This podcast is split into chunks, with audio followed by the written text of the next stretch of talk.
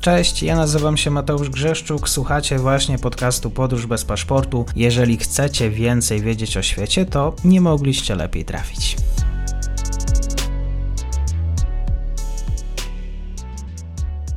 Partnerem podcastu jest Szkoła Językowa szybkiangielski.pl. Ułatwiamy naukę języka. Dzień dobry wszystkim słuchaczom. Mam dzisiaj wielką przyjemność gościć pana profesora Stefana Bielańskiego z Instytutu Dziennikarstwa i Stosunków Międzynarodowych Uniwersytet Pedagogiczny w Krakowie. Dzień dobry panie profesorze.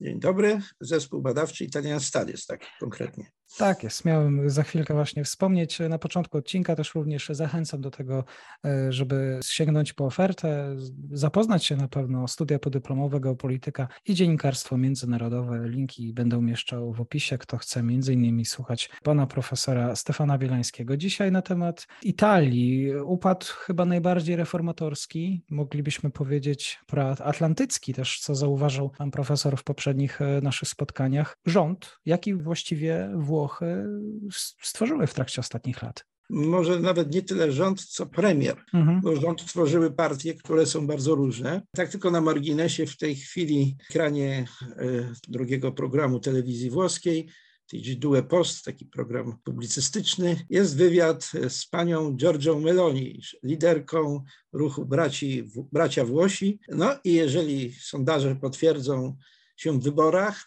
bardzo możliwe, że będzie to przyszła pani premier Włoch partii, z partii prawicowej jak najbardziej, a nawet najbardziej prawicowej partii, jaka jest w, mhm. najbardziej poważnym systemie włoskim, znaczy w sensie, wśród tych poważnych partii bracia Włosi Fratelli d'Italia to jest partia rzeczywiście prawicowa. Byłaby to zmiana no, o dużym znaczeniu może jeszcze do tego wrócimy za mhm. chwilę. No ale to bardzo charakterystyczne.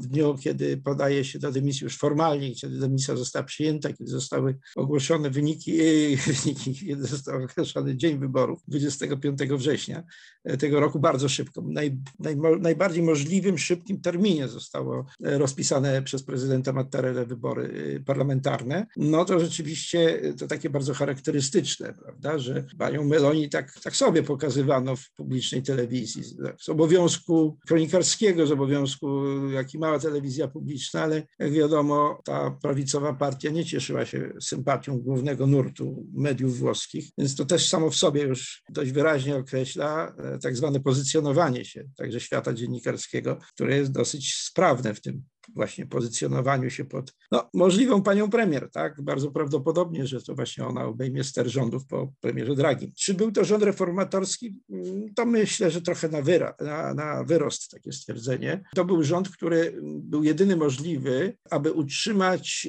aby wyjść z bardzo trudnej sytuacji, aby utrzymać pewien kurs y, stabilności systemu włoskiego, który już się załamał po dwóch próbach y, w tej legislaturze. Pierwsza, jak wiadomo, to był rząd ruchu Pięciu Gwiazd i Ligi Salviniego z premierem Giuseppe Conte i Di Maio i Salvini właśnie. Potem po upadku tego mariażu populistów, radykalnych populistów, takich od, Beppe Grillo i populistów Salviniego. Wydawało się, to, to tam, tamten kryzys wywołał Salvini akurat, któremu się wydawało, że będzie w stanie przejąć pełnię władzy, nawet tak wprost o tym mówił, cała władza dla mnie. No i jak wiadomo, doszło do zmiany i potem ciągle był premierem Giuseppe Conte, ale w porozumieniu z lewicą. Nie mieli też za wielkiej tych możliwości, no i ostatecznie w ubiegłym roku Giuseppe Conte musiał podać się do dymisji, misji. On to bardzo przeżył. E, nie mógł wybaczyć Dragiemu że został przez niego zastąpiony. Ten aspekt personalny nie jest do, tutaj do przecenienia, czy niedocenienia. To widać było po działaniach e, profesora Conte, który no, jakby był mniej poważany w świecie od profesora Mario Dragiego. Co więcej, profesor Giuseppe Conte, który był dobrze traktowany przez Donalda Trumpa, w dużo mniejszym stopniu był dobrze traktowany przez e, Joe Bidena. Działania Conte, gdy był premierem jeszcze w okresie pandemii, w tym najgorszym okresie pandemii, nie były zbyt, tak jakby to były poddane dość poważnej krytyce za wpuszczenie Rosjan w sposób dosyć dziwny. To znaczy była taka misja pomocy ze strony rosyjskich teoretycznie lekarzy, to się okazało, że to byli specjaliści od mikrobiologii, wirusologii i broni biologicznej.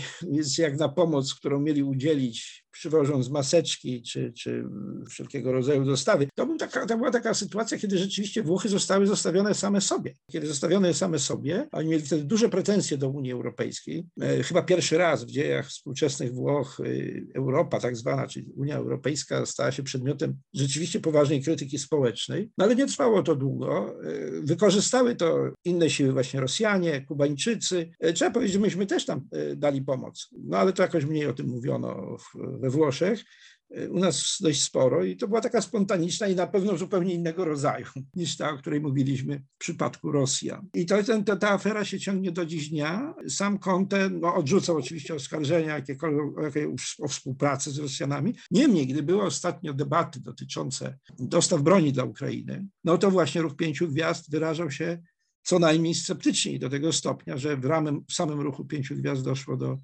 rozłamu. Minister spraw zagranicznych i wcześniejszy wicepremier właśnie z ramienia ruchu Pięciu Gwiazd Luigi Di Maia odszedł od ruchu właśnie oskarżając e, Conte o zbytnią uległość takim e, politykom, którzy no, bardziej prorosyjskim niż no, na pewno nie proukraińskim. Tak? Ten, ten, ten kurs, który utrzymał Draghi od samego początku inwazji rosyjskiej na Ukrainę, ruchu Pięciu Gwiazd się nie podobał. Wiadomo, że były problemy też z Salvinim, nawet był przecież ten taki taki epizod w Polsce, po którym już Salvini przecież się nie pokazał na, na tym obszarze, ale trzeba powiedzieć, że Liga z tego się jakby wycofała. To znaczy Salvini potem przestał w ogóle mówić o, o Rosji, zwłaszcza gdy poszło o jego taki plan podróży do Moskwy po to, żeby negocjować pokój. No, płacany notabene miał być to przez ambasadę rosyjską we Włoszech. Innymi słowy, po tych wszystkich historiach y, Liga przestała jakby mówić o wsparciu.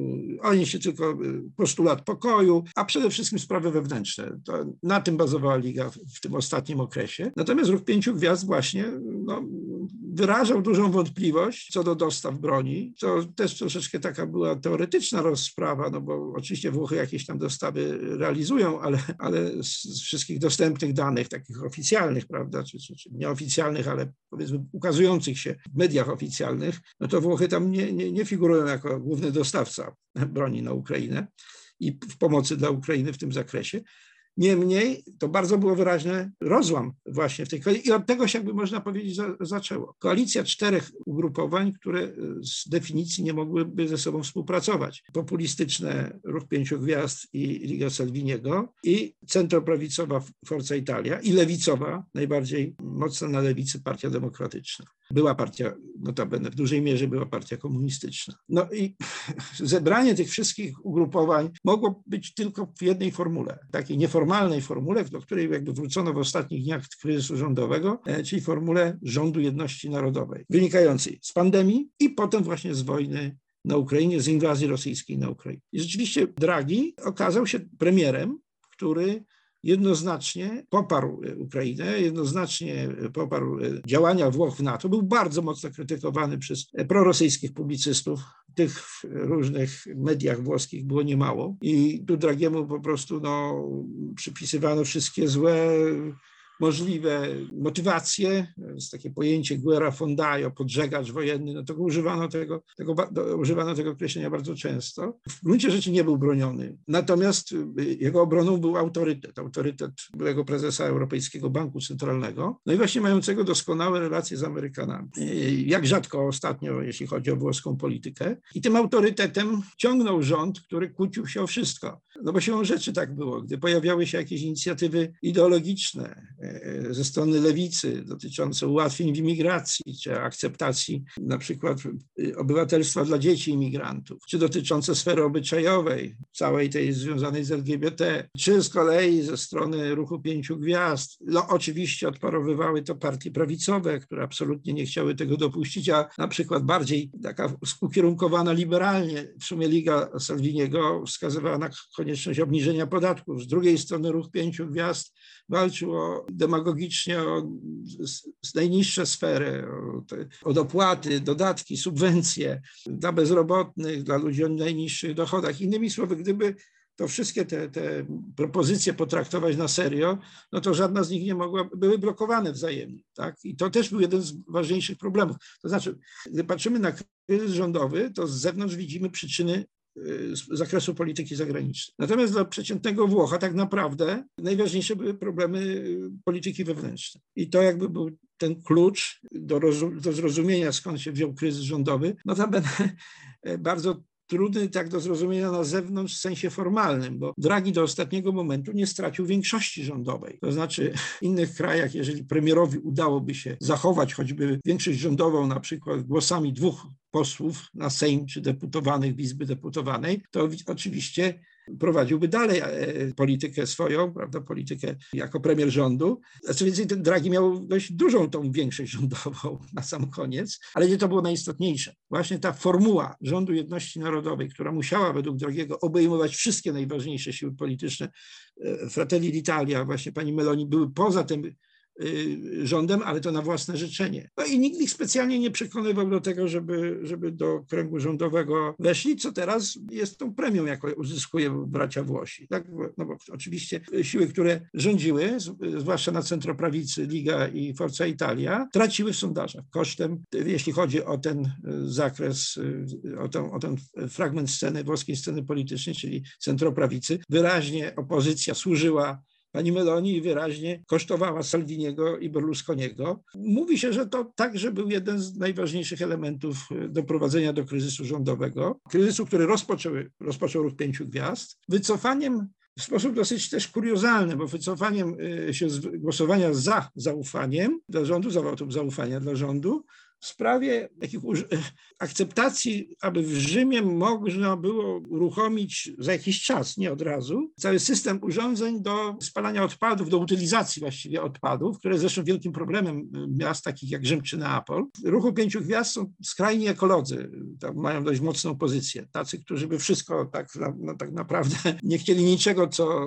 co, co dotyczy jakichkolwiek no już nie mówię o węglu, ropie naftowej, wszystko dla nich jest nieekologiczne, więc usuwanie, utylizacja odpadów też jest nieekologiczna, no bo to są oczywiście pewne procedury technologiczne, które jednak nawet przy zastosowaniu najnowszych technologii, oczywiście zawsze mają jakieś tam swoje efekty uboczne, ale głównym problemem jest to, że także ze względu na stan epidemiologiczny, na stan, takim symbolem to się były te pojawiające dziki na ulicach, prawdziwe dziki na ulicach Rzymu, no bo właśnie miały z czego korzystać. I ten wydawałoby się no, absolutnie lokalny problem, to znaczy dotyczący, owszem, wielkiej stolicy europejskiej, ale e, no, no nie powi- który nie powinien mieć, e, że tak powiem, być problemem natury ogólnowłoskiej, no bo w sumie z całym szacunkiem dla Rzymu, no Włochy to jest coś więcej niż, niż, niż nawet Rzym. To nie jest starożytne. No ale Ruch Pięciu Gwiazd wycofał się z głosowania wotum zaufania i to zainicjowało całą procedurę kryzysu profesor Draghi udał się do prezydenta, złożył dymisję, która została odrzucona. Ale wiadomo było, że już od tego momentu, że mogą być tylko dwa scenariusze. Albo powrót do tej szerokiej koalicji i dociągnięcie do właściwego momentu wyborów, który miał być rok 2023, mniej więcej za rok. Ewentualnie to mogłaby być nawet wiosna 2023, albo upadek rządu, ponieważ system y, tej, tej koalicji, znaczy ten porządek tej koalicji polegał na tym, że musiały być te cztery wielkie ugrupowania. Jeżeli wyłamał, wyłamało się jedno z nich, no to w sposób oczywisty pozostałe nie widziały powodu, żeby utrzymywać. Tym bardziej, że patrząc na sondaże, centroprawica, w skład której wchodziły Liga Salviniego, Forza Italia i pozostająca w opozycji w kontekście rządowym e, wobec rządu e,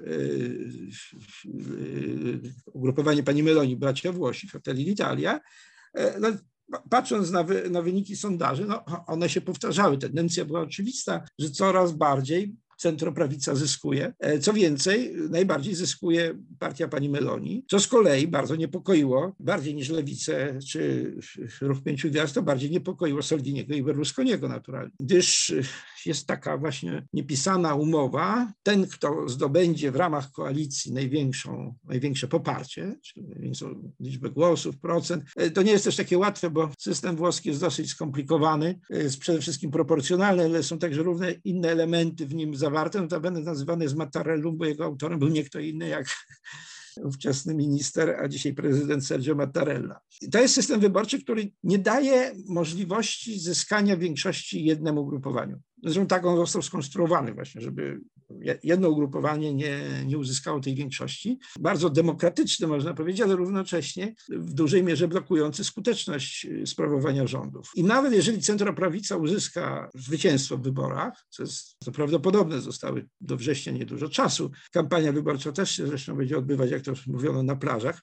Do tej pory było takie pojęcie jeszcze z czasów tak zwanej pierwszej republiki governo balneare, rząd wakacyjny, rząd y, tak w czasach, wszyscy idą na plażę, zażywać kąpieli morskich, wygrzewania się na plaży, właśnie włosk, na plażach włoskich. No teraz trzeba będzie prowadzić kampanię wyborczą, się mówi kampania balneare, kampania wakacyjna. Bardzo mało czasu. Jest to oczywiste, że tylko duże partie będą w stanie tę kampanię przeprowadzić w sposób taki, który da im jakieś sukcesy. Muszą to być duże koalicje, no więc na pewno ta koalicja centroprawicowa, wszystko wskazuje na to, że no, uzyska wreszcie ten wynik, no ale co będzie dalej, no to jeszcze, jeszcze o tym może za chwilę. Nie jest to takie pewne. Co będzie z ruchem pięciu gwiazd? Co jest tak naprawdę w tej chwili kluczowe dla wyników także wyborów? Bo jeżeli rozpadnie się ruch pięciu gwiazd, no bo już jedna, jeden rozłam był, jeżeli dojdzie do następnych. No bo oczywiście w tej chwili jeszcze jedna rzecz. Nikt nie chce się przyznać do tego, że to on spowodował upadek rządu, no i upadek tego premiera, który był takim autorytetem dla, także dla świata, dla Europy. I w samych Włoszech cieszył się jednak dość dużym uznaniem właśnie takim. To jest rzeczywiście ktoś, kto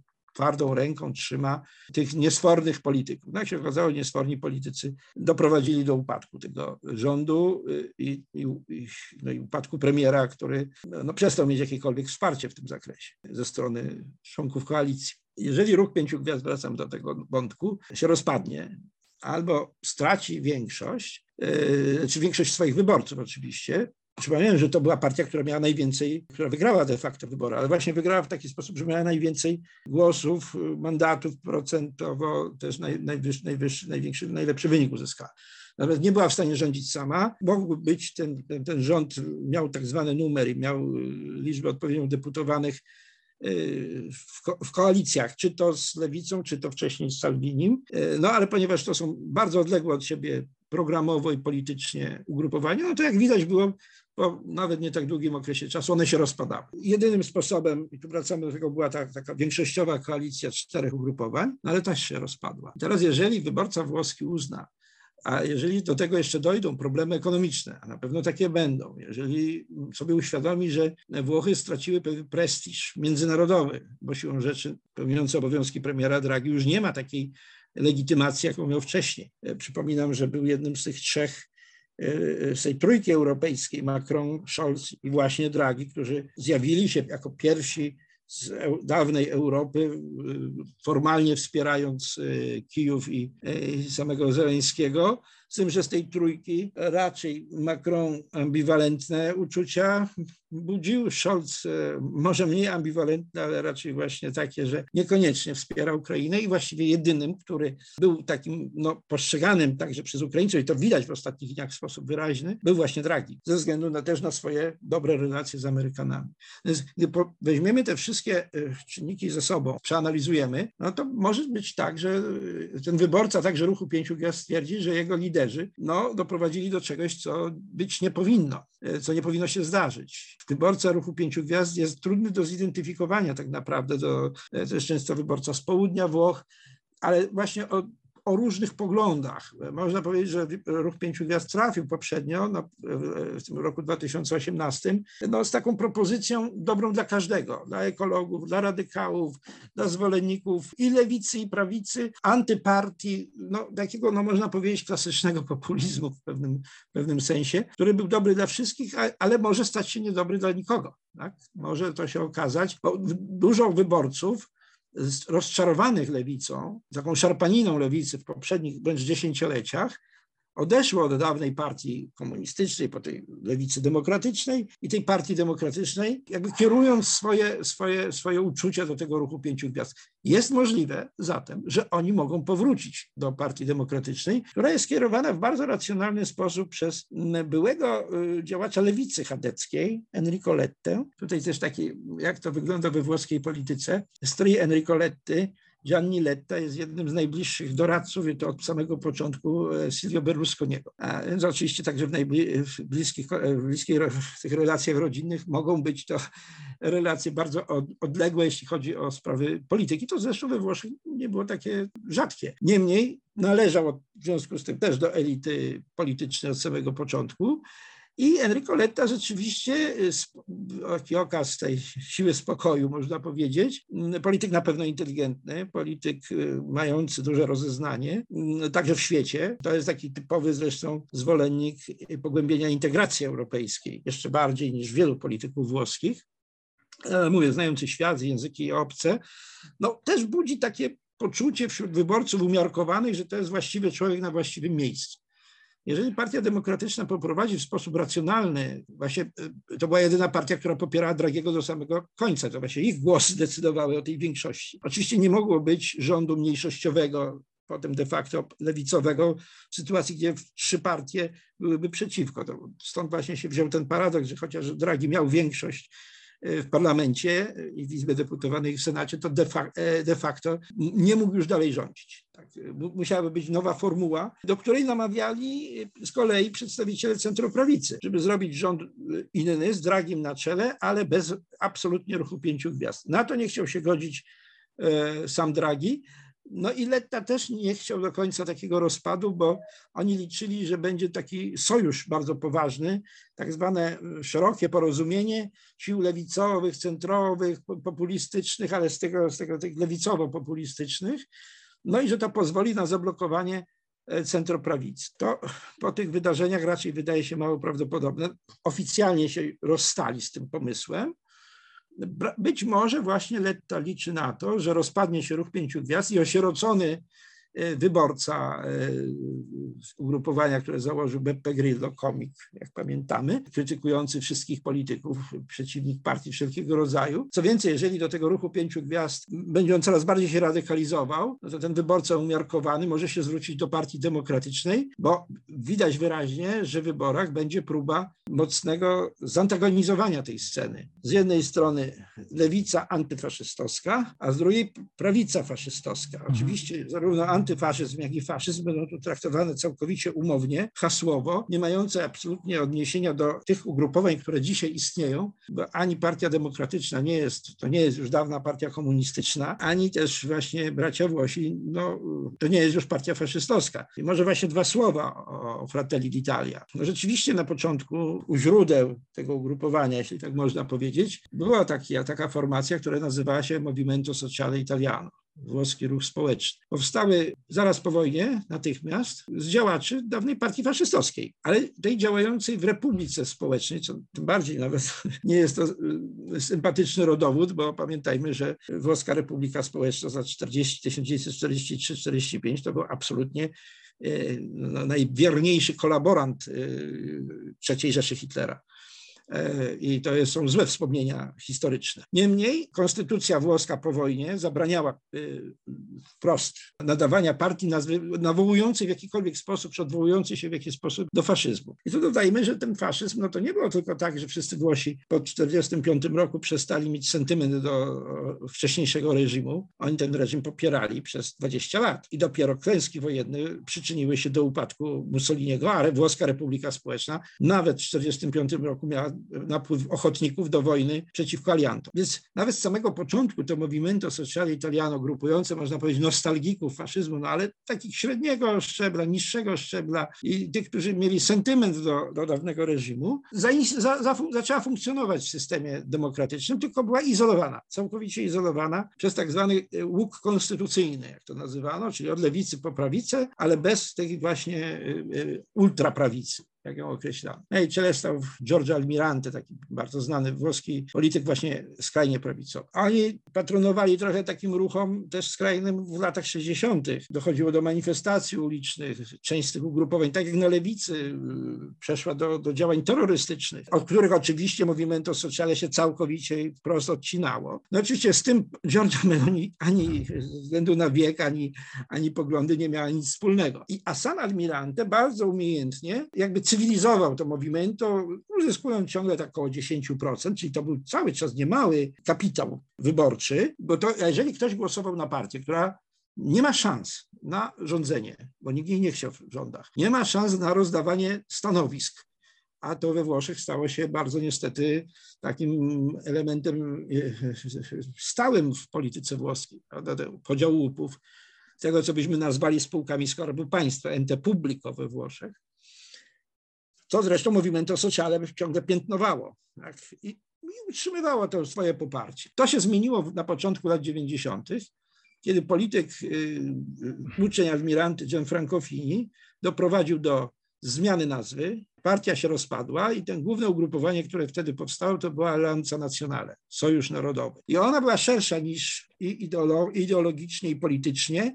Ten komponent gdzieś tam postfaszystowski był oczywiście obecny, ale także ze względu na chronologię, prawda, powojenną, nazwalibyśmy ze względu na PESEL, prawda, gdyby we Włoszech istniało coś takiego. Oczywiście ci dawni działacze jeszcze z czasów wojennych się wykruszali, umierali, młodzi, jeżeli przejmowali, to właśnie bardziej umiarkowanym kierunku szli, takim no, jednak wypracowanym w ramach państwa demokratycznego i, i potem w czasie rządów, które, w których uczestniczyli, bo Sojusz Narodowy uczestniczył w rządach, gdy premierem był Silvio Berlusconi.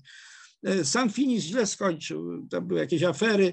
Jak się okazało, jak już weszli w ten układ rządowy, no to też się okazali, mm, tak jakby to powiedzieć, nie, nie, nieodporni na, na, na, na łupy partyjne. E, no i rzeczywiście też doszło do kolejnych rozłamów, z których można powiedzieć, że wyłoniła się właśnie takie ugrupowanie odwołujące się w sposób jasny do nurtu narodowego, prawicowego narodowego, gdzie ten komponent faszystowski istniał ze względu na pewne powiązania bardziej niż e, w kategoriach ideologicznych. I rzeczywiście e, mówienie dzisiaj o, o Fratelli d'Italia jako partii jakiejś neofaszystowskiej czy postfaszystowskiej jest absurdem z punktu widzenia doktryny politycznej. Tak? To, to jest po prostu normalna partia narodowa, jak najbardziej taka typowa na Zachodzie partia narodowa, ale co więcej, oni y, raczej nie są bliscy frontowi narodowemu, czy partii, która zmieniła nazwę y, rodu Le Pen, lecz właśnie bardziej bliżej konserw konserwatystów. Notabene właśnie w Parlamencie Europejskim są razem z Prawem i Sprawiedliwością w jednej, jednej frakcji, a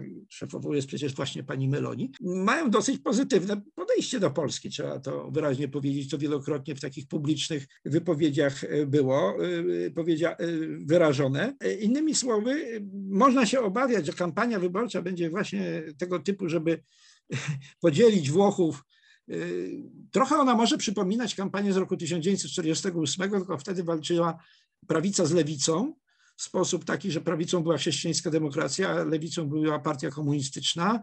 Tutaj mamy y, y, y, ugrupowania centroprawicowe, od Forza Italia i ligę, która nigdy nie miała nic wspólnego z faszyzmem, a wręcz odwrotnie, bo przecież to jest autonomia, secesja, badania i tak dalej, i tak. Jeśli chodzi o źródła oczywiście, Salvini z niej stworzył partię ogólnowłoską. No i narodowa partia, jaką jest e, partia bracia Włosi, sama nazwa Fratelli d'Italia w sposób oczywisty odwołuje się do hymnu włoskiego, prawda? Fratelli d'Italia, który znamy chociażby, gdy piłkarze reprezentacji Włoch. Proszę zwrócić uwagę na te elementy. Włosi kibicując wołają Forza Italia, ale zaczynają mecze od Fratelli d'Italia. I tak to właśnie e, można powiedzieć, ten scenariusz na najbliższe miesiące tej dziwnej kampanii, dziwnego w gruncie rzeczy upadku rządu Dragiego wygląda. Kampania wyborcza będzie na pewno bardzo ciekawa. Będzie okazja, żeby jeszcze o tym porozmawiać, podobnie jak o wynikach wyborów. Notabene będę, akurat wszystko wskazuje na to, mam nadzieję, że inne rzeczy typu pandemia nie przeszkodzą, ale właśnie 25 września powinienem być w Mediolanie. Zatem możemy także się umówić na e, nagranie na żywo podania wyników wyborczych i atmosfery we Włoszech. E, natomiast na pewno będzie to dosyć ważne dla całokształtu polityki zagranicznej Włoch, a w tym kontekście także dla polityki europejskiej powinniśmy śledzić z dużą uwagą i kampanię wyborczą, i same wybory we Włoszech. Premier Włoch Mario Draghi złożył po raz drugi rezygnację. Rozpadła się koalicja rządząca dzisiaj. O tym profesor Stefan Bielański. Bardzo dziękuję. Dziękuję, pozdrawiam serdecznie. I to już koniec na dzisiaj. Zapraszam na profil podcastu Podróż bez paszportu na Facebooku, Instagramie i Twitterze. Zachęcam też do wsparcia mojej pracy na serwisie Patronite oraz Buy Coffee. Do usłyszenia.